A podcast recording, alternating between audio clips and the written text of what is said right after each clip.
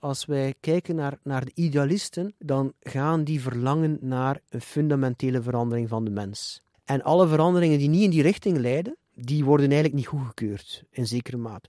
En zodra dat je dus afkomt met een technologische verandering die een innerlijke verandering overbodig maakt, ja, dan is daar weerstand tegenover. Hallo en welkom bij Studio Ecomodernisme, de podcast over een schone planeet en een goed leven voor iedereen. Deze podcast is een samenwerking tussen Stichting Ecomodernisme in Nederland en het Vlaamse platform ecomodernisme.be. Mijn naam is Marco Visser. Ik schrijf en spreek over de energietransitie en ik ben uw gastheer. Vandaag zijn we in Gent en gaan we in gesprek met Tobias Leenaert. Tobias is veganist. Hij is medeoprichter van de Belgische vegetarische organisatie EVA, waar hij ook directeur was, en medeoprichter van ProVeg International, 's werelds grootste veganistische organisatie.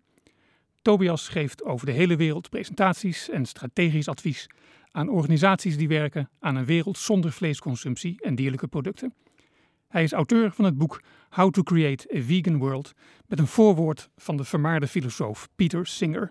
En nee, dat boek is niet in het Nederlands. Ook als je geen veganist of vegetariër bent en het niet van plan bent te worden, is het boek een echte aanrader. Zijn pragmatische aanpak is zeer wel overwogen en bevat lessen voor iedereen die voor een betere wereld strijdt. Zeker ook voor ecomodernisten en anderen die werken aan een schone planeet. Studio Ecomodernisme.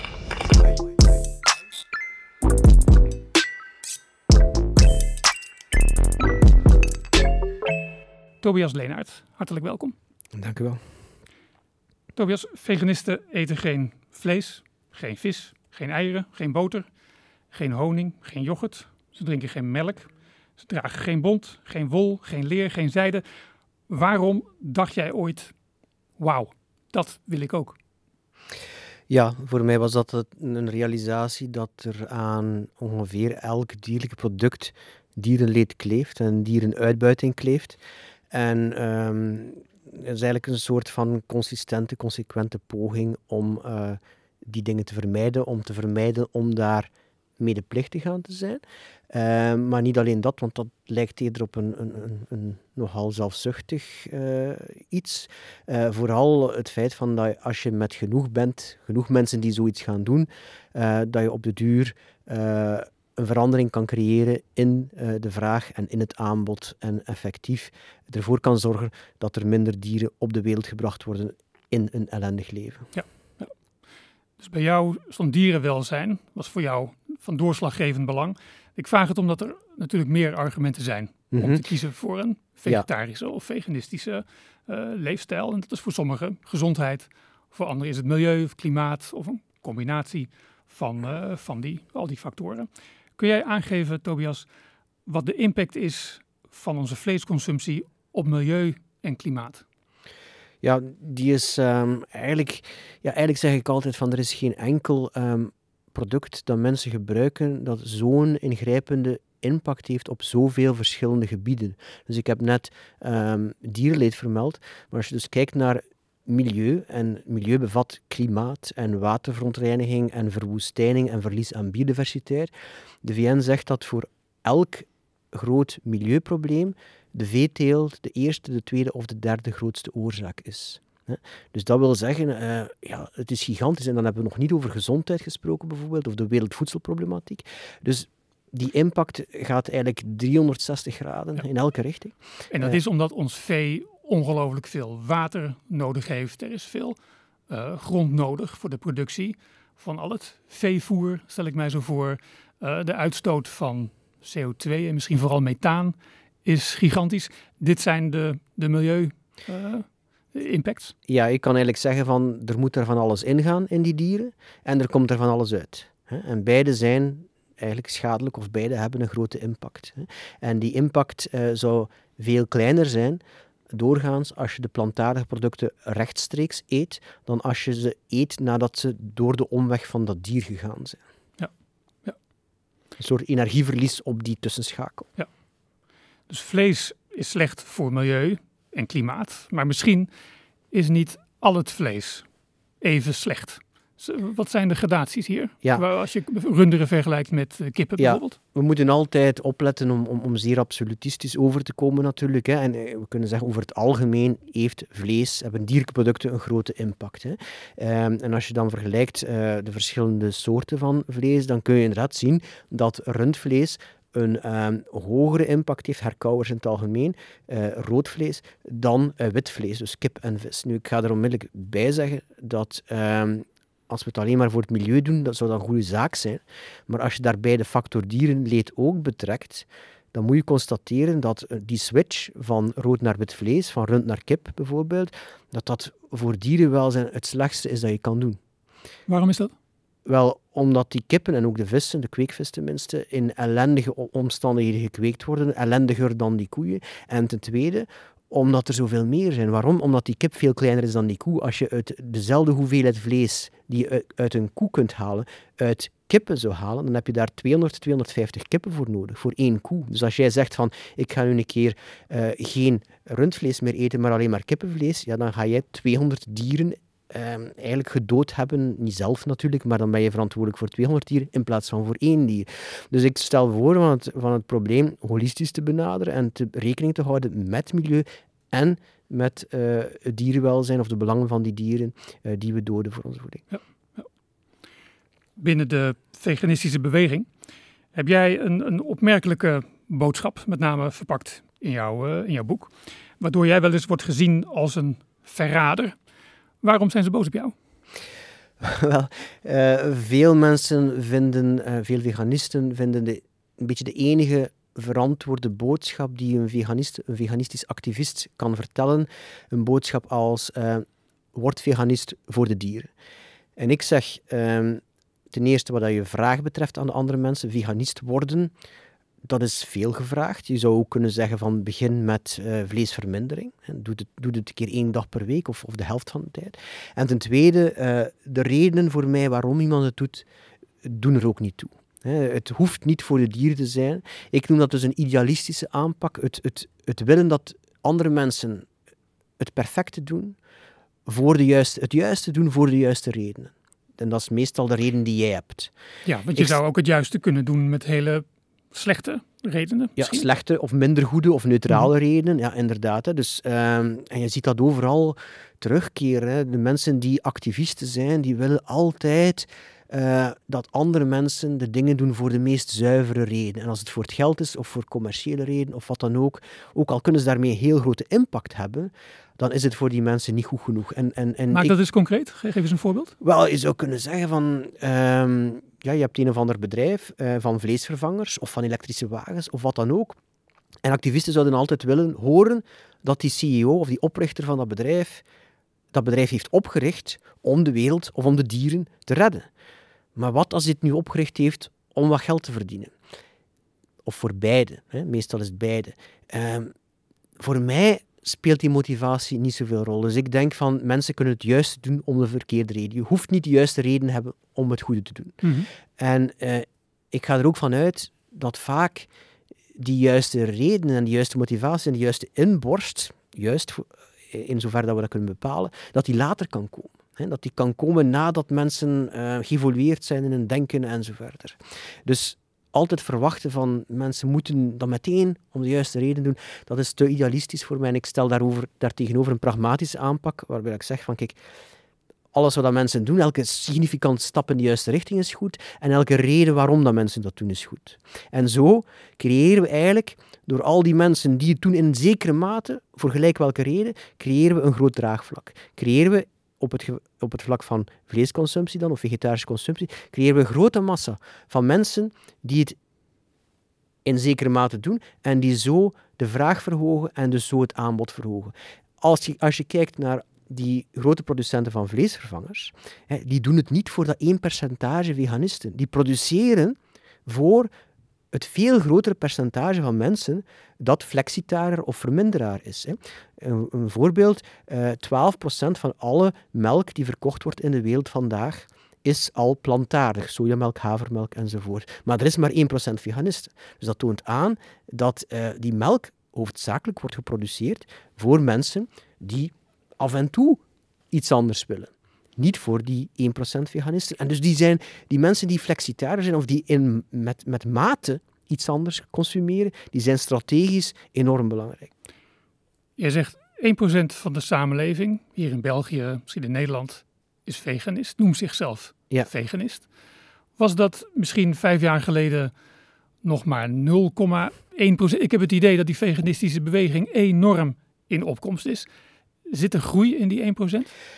Het is te vroeg om dat te zeggen. Er zijn, uh, het is zodanig klein percentage dat je dan met de foutenmarges moet rekening houden enzovoort. Echt om dat te meten op een grote bevolkingsgroep is moeilijk. Uh, dus ik denk dat we daar binnenkort meer gaan over weten. Uh, het is niet zo waarschijnlijk dat het echt zo explodeert als dat je de indruk hebt. Maar wat wel explodeert, is gewoon de vraag naar die producten. En die vraag komt van zowel veganisten als van mensen die het af en toe willen eten. Dus, ja, dus een hip veganistisch cafeetje in een grote stad ja, kan of zelfs... bezocht door misschien part-time uh, vleeseters. Ja, en dat kan ook een, een cafeetje zijn dat zowel vlees als veganistische uh, opties aanbiedt. Ja. ja. Toch zou je zeggen, de beweging timmert aan de weg. Er zijn steeds meer vleesvervangers. Er is meer bewustzijn. En dan kom jij met een verhaal, ja, jullie doen het nog niet helemaal goed. Jullie moeten het anders gaan communiceren. Speelt dat ook mee, waardoor jij soms even op een zijspoor wordt gezet? Ja, daar heb je Tobias weer met zijn uh, pragmatische uh, insteek die onze boodschap zo uh, verwatert. Ja, het, het, is, het gaat voor een stuk om interne kritiek. Dus ik ben een beetje ja, een advocaat van de duivel of ik, ik, geef kritiek op de eigen beweging. Um, constructief bedoeld. Maar kritiek is nooit, nooit, ja, nooit aangenaam. En je zit daar met mensen die eigenlijk moet je het zo zien van die mensen die vonden van zichzelf dat ze zo enorm verkeerd waren voordien, toen ze vlees aten. We waren zo fout en nu zijn we zo juist. nu zijn, we zijn 360 graden, 180 graden gedraaid en nu zijn we helemaal juist. En dan krijg je maar de begeestering van, van bekeerlingen die vaak helemaal in het overdrive gaan. Hè? Ja, precies. We noemen dat in het jargon de angry vegan face. Uh, dus de, de fase van de, van de boze veganist. Uh, waar, dat je, waar dat de meeste veganisten eigenlijk uitgroeien na een tijdje. Je bent heel, heel dat vuur mag er blijven inzitten natuurlijk, hè, maar er is ook dat, dat gaat ook vaak gepaard met een bepaalde kwaadheid, een bepaalde anti-houding, een bepaald fundamentalisme ook, een bepaald onbegrip voor andere mensen die niet willen volgen en zo verder. Ik denk, mijn doel is een beetje van die angry vegan face, om die zo kort mogelijk te houden bij, bij vegans, bij activisten in het algemeen trouwens. Ja. Dit is wel een interessant punt. Ik wil in dit gesprek ook graag parallellen gaan leggen met de groene beweging. En met de ecomodernistische beweging, die een pragmatische aanpak voorstellen. Een beetje zoals jij ook heel sterk een pragmatische aanpak hebt om het veganisme te promoten. Je hebt het over de, de bekeerlingen, de mensen die, die zeiden: Ah, ik was zo fout en nu heb ik het goede ontdekt. Veel ecomodernisten hebben een verleden in de meer traditionele milieubeweging, de ecologisten. Um, daarop terugkijkend zullen veel ecomodernisten zeggen: Ai, wat was ik naïef. Ik heb zo lang geloofd dat we allemaal alsmaar zuiniger moeten zijn. Of dat zonnepanelen en windmolens ons uh, uh, vooruit zullen helpen. En nu pas realiseer ik me dat ze lang niet altijd stroom produceren. Of dat ze eigenlijk wel heel veel ruimte innemen. Of wat het ook precies is. Misschien is het ook wel zo. Ik ben benieuwd of jij ecomodernisten zo uh, zou kunnen typeren.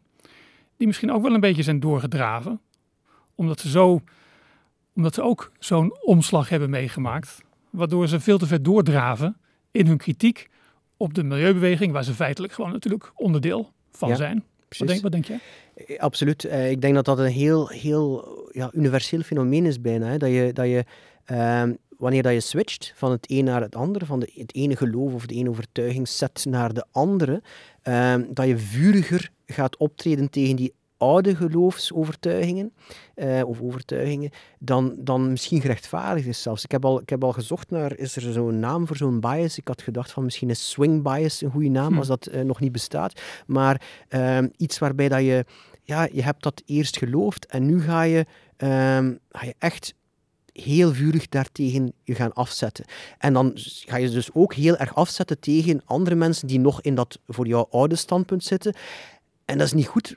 wat er mooi is natuurlijk, is dat je van gedachten kunt veranderen. Maar wat er nefast aan kan zijn, is dat het tot polarisatie kan leiden. Hè. Je, gaat, je gaat je eigen standpunten, je nieuwe standpunten, veel scherper gaan verdedigen en die oude standpunten veel scherper gaan afbreken, dan eigenlijk misschien gerechtvaardigd is. Vanuit die, ja, wat ik denk dat toch een, een bias zou kunnen zijn. Volg jij het debat over milieu en ecomodernisme voldoende om daar een voorbeeld bij te hebben van iemand die naar het kamp van de ecomodernisten is overgestapt en eigenlijk te ver doordraaft in kritiek op de oude milieubeweging? Ja, ik zal misschien geen namen noemen, uh, maar, maar ja, wat je duidelijk ziet is, is, is uh, mensen die, ik zeg maar iets, um, heel erg voor kernenergie gaan pleiten um, en die dat ik zie daar dan plots bijna geen twijfel meer in. Ik zie dan plots die dingen voorgesteld worden als, als bijna uh, het enige heilmiddel, uh, zonder relativeringen, waarbij dat je voelt van die mensen geloven dat misschien niet zo sterk, maar ze poneren dat zo sterk om in te gaan tegen die oude overtuigingen van henzelf en van andere mensen. Hè. En dat helpt het debat volgens mij niet vooruit. Ik denk dat polarisatie een van de grootste euvels is die we vandaag hebben in, in, in, in de moderne poging tot, tot dialoogvoering en debatvoering. Wat natuurlijk extra ironisch is hier, is dat ecomodernisten toch wel sterk benadrukken dat zij een pragmatische insteek mhm. hebben. Rationeel, los van ideologie, emotie. Maar we hebben natuurlijk allemaal een psyche. Dit is kennelijk toch een psychologisch fenomeen. Ja, we zijn niemand, ja, niemand is biasvrij.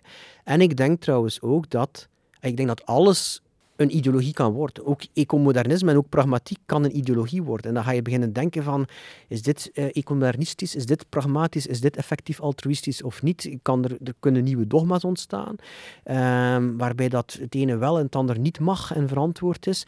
Um, ik ben een grote fan van um, een klein artikeltje op het internet dat heet Keep Your Identities Small probeer ervoor te zorgen dat je zo weinig mogelijk identiteiten hebt. want zodra dat je een identiteit hebt, zodra dat je zegt van ik ben dit, ik ben dat, ik probeer ook met ik ben veganist, ik probeer er beperkt in te zijn. Zodra dat je identiteit, zo'n identiteit hebt, beperk je eigenlijk je denken. Hè? Want je zit in een of ander kader, of dat je het nu wilt of niet. En ook de mensen die denken dat ze ideologievrij zijn, biasvrij zijn, die zijn het waarschijnlijk, uh, die zijn misschien een beetje minder. Of een beetje meer. Interessant. ik herinner me inderdaad dat jij uh, zoiets zei, dat je, uh, of schreef, uh, dat je jezelf liever geen veganist noemt. En dat je het woord veganist beter vindt passen bij gerechten, bijvoorbeeld, of producten, of een restaurant eventueel. Maar niet op een persoon. Ja, dus eigenlijk kort gezegd, het adjectief is beter dan het substantief. Hè. Je kan uh, spreken over vegan voedingen en vegan producten, ja. maar zeggen wat dan een vegan persoon is, ten eerste, dat is heel moeilijk. Uh, ja, wanneer is die dan wel, wanneer is die niet? En je gaat ook mensen heel erg uh, ja, in een doos sluiten en je gaat daar eigenlijk een binair iets van maken. De ene is veganist, de ander niet. En, en dat is ook niet recruterend. Hè. Dat is ook niet... Ehm, ja, dan zeggen mensen al rap van helemaal kan ik het niet, dus ik kan er niet bij horen, dus ik ga maar geen inspanningen doen enzovoort. Dus en ik ben niet zo voor dat label, ook al maakt het wel duidelijk snel uh, hoe dat je eet en hoe dat je niet eet, bijvoorbeeld op restaurant. wat zo zonde is, want als het even weer gaat over vleesconsumptie, het zijn juist de vleesverlaters, de part-time vleeseters, die eh, kennelijk enorm veel invloed hebben op de markt. Ja. Zie jij, welke parallellen zie jij in de, in de constateringen over de veganistische beweging voor de mensen die, die strijden voor een schone planeet, zeg maar. Dus de, de veganisten aan de ene kant en de milieubeweging aan de andere kant. Zie jij parallellen in, in hoe zij communiceren, hoe zij een boodschap overbrengen, hoe ze denken?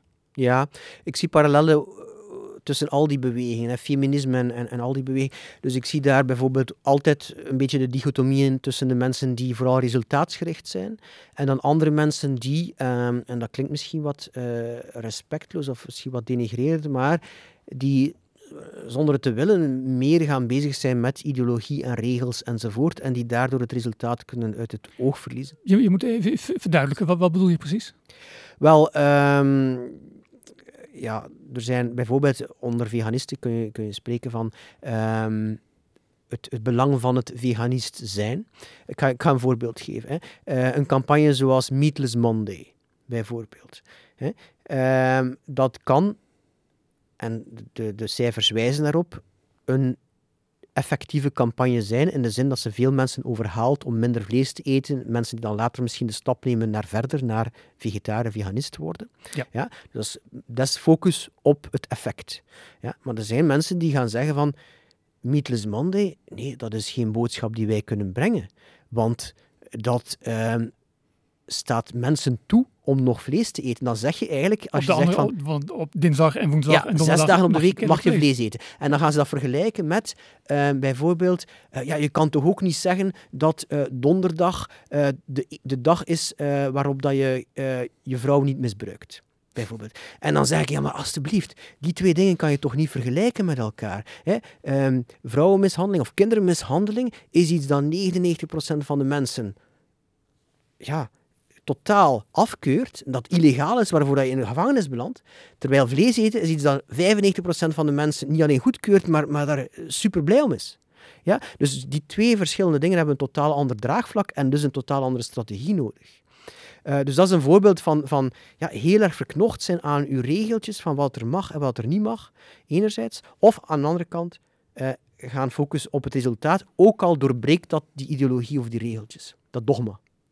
En dat zie je misschien in de milieubeweging wanneer, um, wanneer je niet alleen om de juiste redenen kiest voor uh, schone technologieën. Nou, hier laat ik dit voorbeeld geven.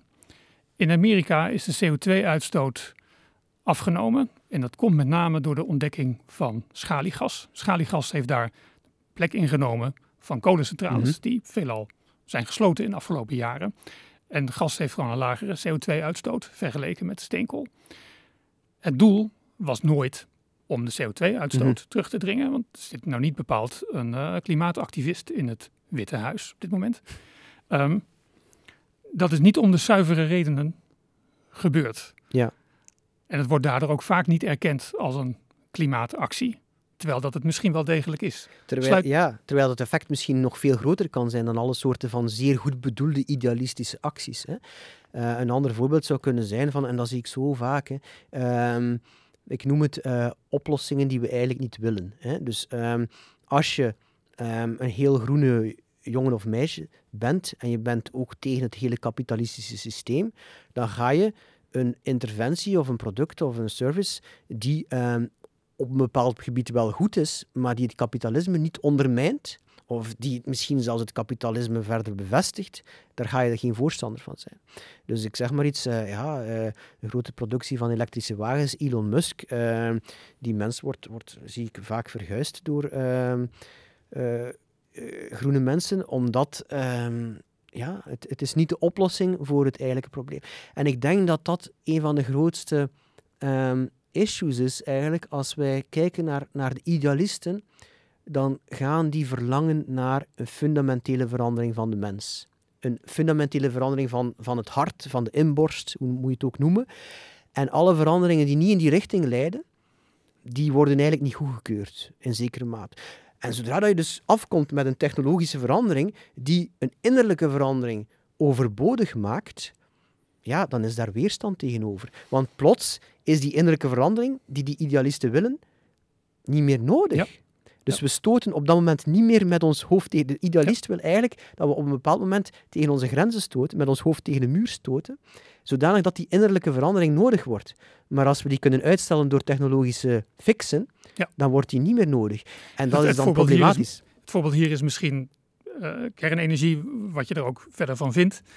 Kernenergie levert CO2-vrije energie. En als we het hele, eh, ik geloof dat er weinig mensen voor pleiten, op een paar eh ecomodernisten na natuurlijk, die, ehm, eh, stel dat je heel veel kernenergie produceert, dan kunnen we onze levensstijl Ja. voortzetten. Je moet niet En dat consumenderen. druist ook in tegen Ja, wat de absoluut. Ja. eigenlijk zou willen. Terwijl dat ik denk dat, ehm, dat die verandering van mentaliteit, die, waar dat die mensen op uit zijn, en die ik ook wil, maar dat die daarna kan komen. Ja? Dus in het geval van ehm, om dieren geven en geen vlees eten, je zou kunnen perfect stoppen met vlees eten om andere redenen dan dat je van dieren houdt of om dieren geeft of dieren belang, belangrijk vindt. Je doet dat om gezondheid of omdat het gewoon beschikbaar is of lekker genoeg is. En dan zie je, oké, ik heb hier eigenlijk niks te missen. En het wordt veel makkelijker om plots je te realiseren van ja, dieren zijn belangrijk. Dieren kunnen voelen. Momenteel zijn wij heel erg defensief tegenover de realisatie dat dieren belangrijk zijn, omdat we ze eten. Ja, dus Ja. ons gedrag bepaalt onze mentaliteit over onze visie op die dieren. Dit is een beetje vergelijkbaar misschien met wanneer mensen vrolijker willen worden, moeten ze gaan lachen. Ja, precies. Ja. Wanneer je lacht, Ja. Word je vanzelf vrolijker. Het is een omkering van oorzaak en gevolg. Het is, niet, het is niet het een of het ander, maar het kan in beide richtingen gaan. Eh, en dat is heel belangrijk om te realiseren, denk ik. Over die technologische oplossingen, hier komt kweekvlees misschien even om de hoek kijken. Eh, kweekvlees de- geproduceerd in een laboratorium op basis van dierlijke cellen, zeg ik het zo goed? Ja. Ehm, dat zou wel eens een hele een game changer Mhm. kunnen zijn. Ehm, het zou betekenen dat dieren niet meer hoeven te lijden en wij kunnen vlees eten, wat wij Mhm. nog steeds verstaan als vlees. Ehm, hoe wordt er binnen de vegetarisch, eh, veganistische beweging aangekeken tegen het potentieel van kweekvlees? Ik kan geen cijfers geven, maar er is in elk geval er zijn verschillende meningen. Hè. Er zijn dus mensen die, eh, als je echt naar de ja, ideologie kijkt, zijn mensen die zeggen dat is nog altijd dierlijk, dus het is niet veganistisch. En ja, dat, dat is eigenlijk een heel mooi voorbeeld van volgens die regeltjes of die dogma's denken. Hè. Ik denk van, kijk, ja, als het geen dierleed veroorzaakt, is het oké. Of dat dan nu dierlijk is of niet, of dat dan nu van een dierlijke cel komt of niet, als het geen dierleed veroorzaakt, heb ik er niks tegen. Ja. Zeker niet als het bepaalde mensen zou kunnen overtuigen. We weten dan nog niet goed hoeveel mensen dat het zal kunnen overtuigen, maar als dat zo is, ja, dan, dan moeten we daar absoluut ehm, op inzetten. Ik zou wel willen waarschuwen voor ehm, het idee van we zullen daarop wachten en ondertussen moeten we niets doen. Dus eh, een ecomodernist zou kunnen zeggen van ik verwacht daar heel veel van. Het kan nog 10, 15 jaar weg zijn, eh eer het betaalbaar wordt enzovoort. Ondertussen gaan we maar vlees eten, want het komt wel. Dat, dat, dat vind ik niet de, de beste houding. Het, het, wat er met dieren gebeurt vandaag is zodanig verkeerd, zodanig vreed, dat we eigenlijk al als fatsoenlijke mensen, zou ik zeggen, ik spreek niet graag over plichten, maar toch wel onze inspanning nu al zouden moeten Mhm. leveren. Hoe ver staat de ontwikkeling van kweekvlees eigenlijk? Je hebt het over 10, 15 jaar? Wel, het, loopt uiteen. Hè. Eh, sommige mensen zeggen van volgend jaar, sommige bedrijven zeggen volgend jaar komen wij met een product op de markt. Maar dat zeggen Eh, bedrijven altijd. Dat is Ze ook zeggen naar ja, investeerders toe de eh, investeerders aantrekken enzovoort. Het kan binnen een paar jaar op de markt zijn. Het zal dan waarschijnlijk nog te duur zijn in vergelijking met het traditionele vlees. Dus waarschijnlijk eer dat je ehm, aan prijscompetitief bent, zal dat toch nog wel zeker tien jaar duren. Maar goed, het kan altijd plots sneller gaan als er meer geld vrijkomt en er komt meer onderzoek enzovoort. En zie jij het voor je dat de overheid zich hier opeens mee gaat bemoeien en kweekvlees veel goedkoper zal maken om het een, een, een beter alternatief te laten zijn dat Ja. kan concurreren in de markt, zoals de overheid ook hard heeft gewerkt om energie uit zon en wind veel goedkoper te maken. Ja, absoluut. Hè. Ehm, en ehm, er zijn al voorbeelden. Hè. Hier in België hebben wij trouwens een bedrijf dat hier in, Gent eh, ontstaan is. Ehm, een kweekvleesbedrijfje in opstart, eh, of een start-up. En die hebben van de Vlaamse overheid een paar miljoen euro gekregen. Eh, de Indische overheid, de Chinese overheid hebben investeringen gedaan in kweekvlees. Dus het gebeurt al en het, het, het makes, makes total sense. Hè. Dus ja, absoluut. Ik zie dat zeker gebeuren. Je zei het al, we weten niet goed of mensen het eigenlijk wel willen. Ik ben daar ook wel benieuwd naar. E- Ecomodernisten staan er niet onbekend dat eh, persoonlijke keuzes, dat die nou heel veel teweeg gaan brengen. Kweekvlees is denk ik een technologie die heel veelbelovend is. Maar het kan inderdaad net zo zijn dat mensen dat uiteindelijk helemaal niet willen. Ook al is de smaak hetzelfde, is de textuur hetzelfde, is de prijs misschien hetzelfde. Ik zou denken, dat lijkt me dan toch heel logisch om dan te kiezen voor kweekvlees als je niet al, eh, al lang een plantaardig dieet eh, volgt. Ja, ik, ik denk, ik ben er hoopvol over. En de eerste de- de onderzoeken die er zijn, eh, la- laten zien dat mensen er over het algemeen wel voor openstaan. Zeker als je het dus eerst uitlegt waarom en zo verder.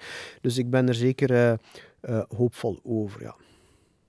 Zie je ook misschien verzet tegen kweekvlees, zoals er ook Ja. verzet is geweest en nog steeds is tegen genetisch gemodificeerde Absoluut. gewassen in Ja. de landbouw.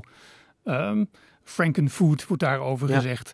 Bestaat er ook zo'n tendens om kweekvlees uiteindelijk in die hoek neer te zetten? ja, en ik zie dat als een gevaar. Hè. De mensen die daar gaan tegen zijn om, meestal vind ik toch uh, ideologische redenen, ehm, die zeggen van ja, het is, het is frankenfood inderdaad, of het is niet natuurlijk en natuurlijk is zo'n oude dooddoener natuurlijk.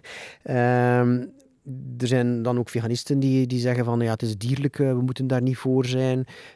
Um, dus er, zijn, er is zeker tegenstand. Uh, en er is uiteraard ook tegenstand vanuit de industrie zelf, hè, vanuit de traditionele vleesindustrie. Tenminste, de mensen, de bedrijven die er niet mee instappen, die gaan uh, zich daar ook tegen keren. ja, je zou het dan kunnen zeggen dat de veganisten die tegen kweekvlees zijn, dat zijn de, de nuttige idioten van de vleesindustrie. Ja, en je kan zelfs hetzelfde zeggen op een, op een gebied dat vandaag gebeurt. Dus bijvoorbeeld als je kijkt naar uh, er, is een, er is zoveel heisa de hele tijd over processed foods, dus de, de, de meer bewerkelijke producten. Hè. En uh, ook veel veganisten en mensen die uh, natuurlijk eten, die zijn daartegen. Hè. Die willen zo eenvoudig mogelijk voedsel, dus geen bewerkte vleesvervangers enzovoort. Maar die spelen eigenlijk ook in de kaarten, dat zijn ook useful idiots om het respectloos te zeggen, uh, van de voedselindustrie, die precies dit argument gebruikt. De vleesindustrie gebruikt het argument van uh, die vleesvervangers zijn veel te veel processed en ons vlees, dat is natuurlijk en dat is unprocessed. Uh, dus eigenlijk speel je zo op die manier in de kaart van de vleesindustrie met diezelfde argument. Weet jij hoe milieuorganisaties tegen kweekvlees aankijken? Uh, verschillende organisaties kijken er verschillend tegenover aan. Uh, ik weet niet precies welk standpunt welke organisaties hebben, maar er zijn er zeker die, uh, die net zoals ze tegen GMO's zijn, uh, ook redelijk falikant gekant zijn tegen, ehm, tegen kweekvlees. Het valt mij op dat veganisten vaak zo, zulke negatieve, boze, naargeestige boodschappen hebben. Iedereen met een veganist in zijn uh, vriendenkring op Facebook, die weet wat dat betekent. Mm Gruwelijke uh, plaatjes worden gedeeld. Al snel vergelijkingen met, met de Holocaust. Ik neem even aan dat jij met jouw pragmatische benadering juist heel kritisch bent op deze boze, naargeestige toon. Klopt dat?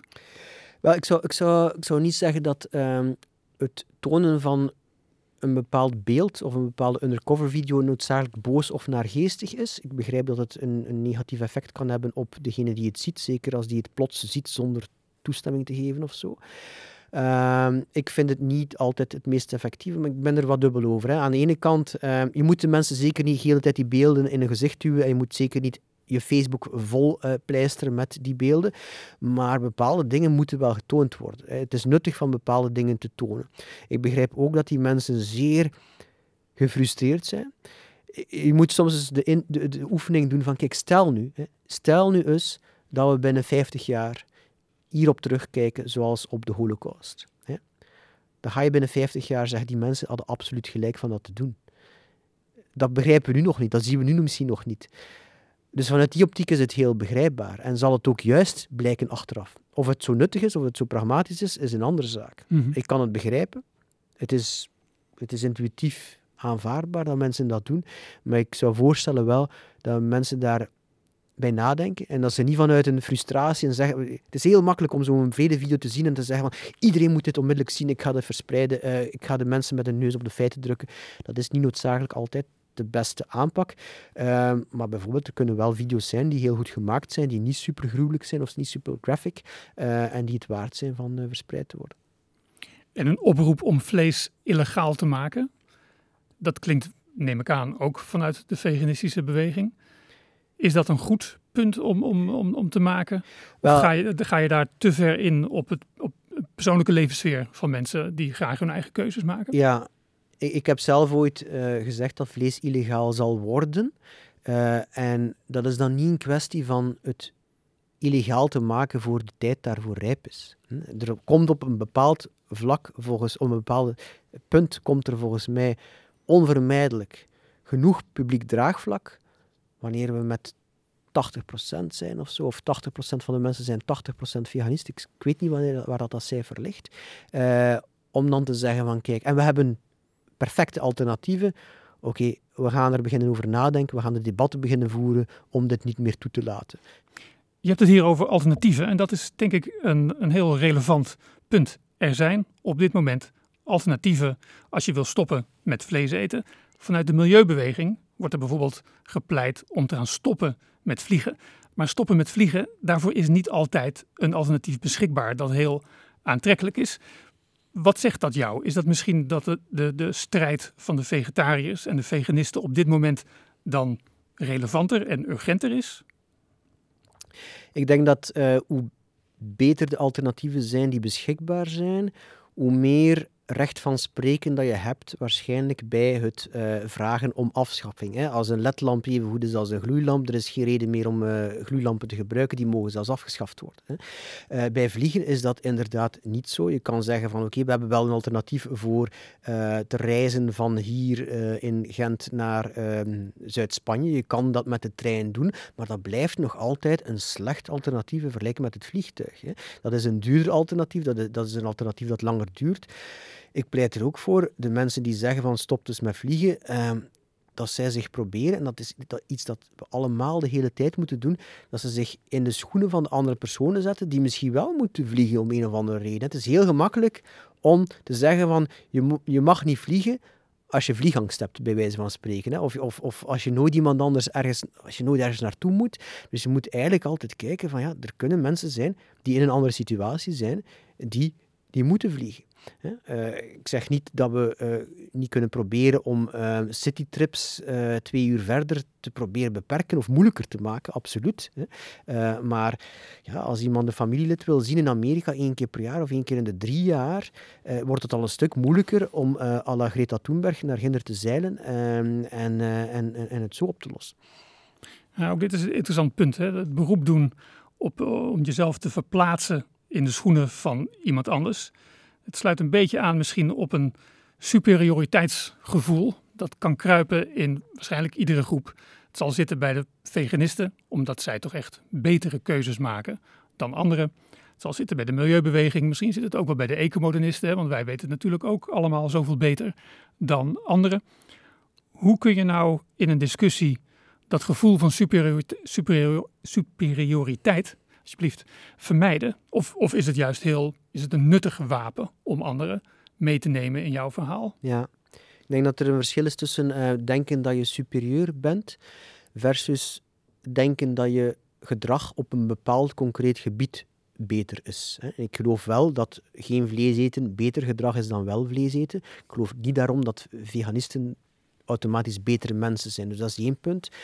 Uh, ik pleit er altijd voor om, uh, om bij discussies enzovoort of bij de confrontatie met iemand anders ten eerste je te realiseren dat je uh, zelf geen heilige bent, dat er uh, blinde vlekken zijn, dat er bepaalde dingen zijn die je niet goed doet, dat er dingen zijn die die andere persoon goed kan doen, die jij niet doet. Hè. Bijvoorbeeld, uh, die andere persoon kan geen veganist zijn, maar die kan bijvoorbeeld juist zeggen van ik vlieg niet of ik help vrijwillig mensen met een of andere fysieke uitdaging in mijn vrije tijd.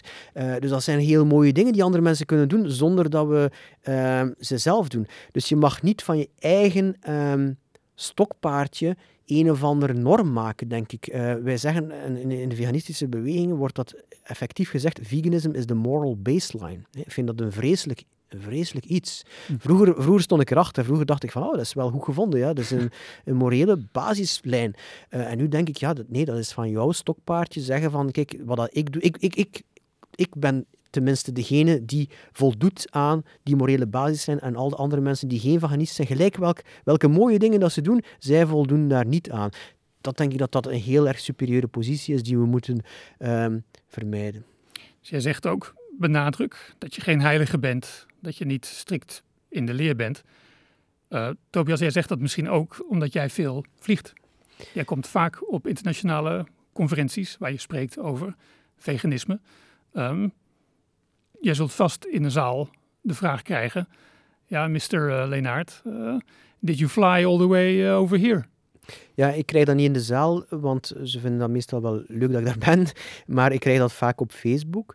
En um, dat kan self-serving klinken, maar ik vind dat je als je vliegt om iets goeds te doen en hopelijk heb je een bepaald effect. Hè. Uh, dat is niet het moment om te zeggen van ik vlieg niet meer. Ik heb uh, gesproken met iemand, um, ik moest iemand uitnodigen voor een bepaald congres in naam van iemand anders om naar Taiwan te vliegen. persoon die bij de Verenigde Naties had gewerkt, die een invloedrijk persoon is, wiens aanwezigheid daar wellicht enige zoden aan de dijk kon brengen. Die persoon zegt, ik vlieg niet meer. En ik denk dan, nee, alsjeblieft, jij niet. Hè? Maar Jij moet niet is tegenwoordig, uh, je kunt inbellen, je kunt op een videoconference, je kunt op een enorme beamer, kun jij met jouw hoofd staan. En je kunt live, als je dat wil, tot een hele grote zaal spreken aan de andere kant van de wereld. Dat, dat, kun je toch ook voorstellen? Ja, er zijn zeker argumenten om te kijken van, ehm, is het wel nodig om altijd ter plaatse te zijn? Ehm, ik denk dat het wel een verschil maakt, maar we zijn nu natuurlijk ja, in, in de coronatijd ook aan het experimenteren met eh, digitale uh, middelen.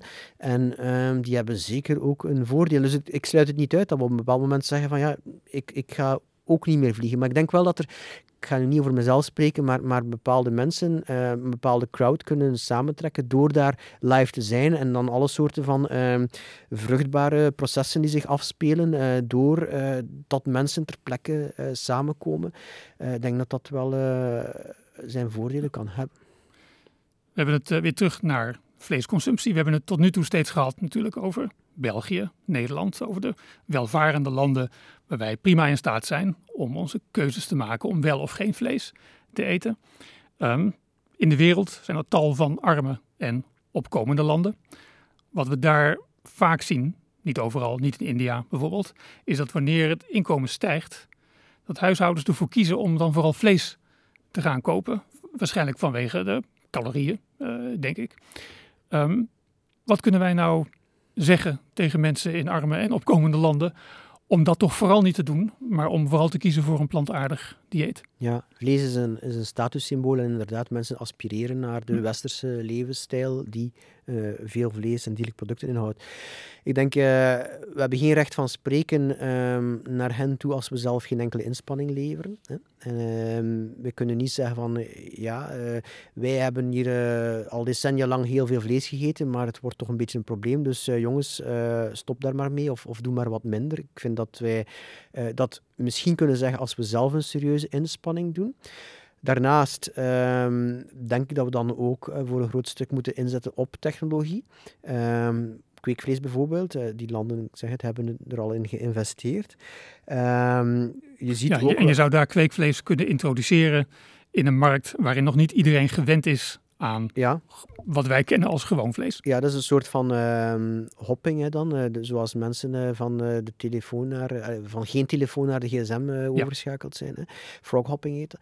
Ehm, dus dat, dat kan zeker. je ziet ook dat bepaalde landen tegen een ehm, limieten beginnen botsen. Hè. Als China blijft stijgen wat vleesconsumptie betreft, ja, zij kunnen die dieren niet meer voeden. Dus die zijn om pragmatische reden naar andere mogelijkheden aan het kijken. Tot slot, Tobias, wat is nu het beste om te doen om vleesconsumptie aan banden te leggen? Ik denk dat het een combinatie is. Ik zie een, een, een um, virtuele cirkel, een virtuele dynamiek tussen um, ja, awareness raising, dus proberen mensen uh, van gedachten te doen veranderen, van mentaliteit te doen veranderen, en uh, het aanbieden van alternatieven. En die kunnen minder of meer technologisch zijn.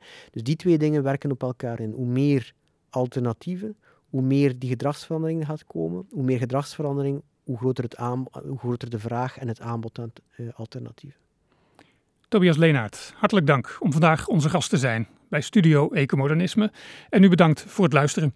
Als u deze podcast waardeert, ga dan naar ecomodernisme.nl of ecomodernisme.be en steun ons. Schrijf u in voor de digitale nieuwsbrief Overweeg een donatie om ons werk mogelijk te maken. Volg ons op sociale media. Abonneer u op Studio Ecomodernisme via ons kanaal op YouTube of zoek ons op bij andere bekende platforms voor podcasts waar u meer gesprekken kunt opzoeken over een schone planeet en een goed leven voor iedereen. Hartelijk dank voor het luisteren. Graag tot een volgende keer.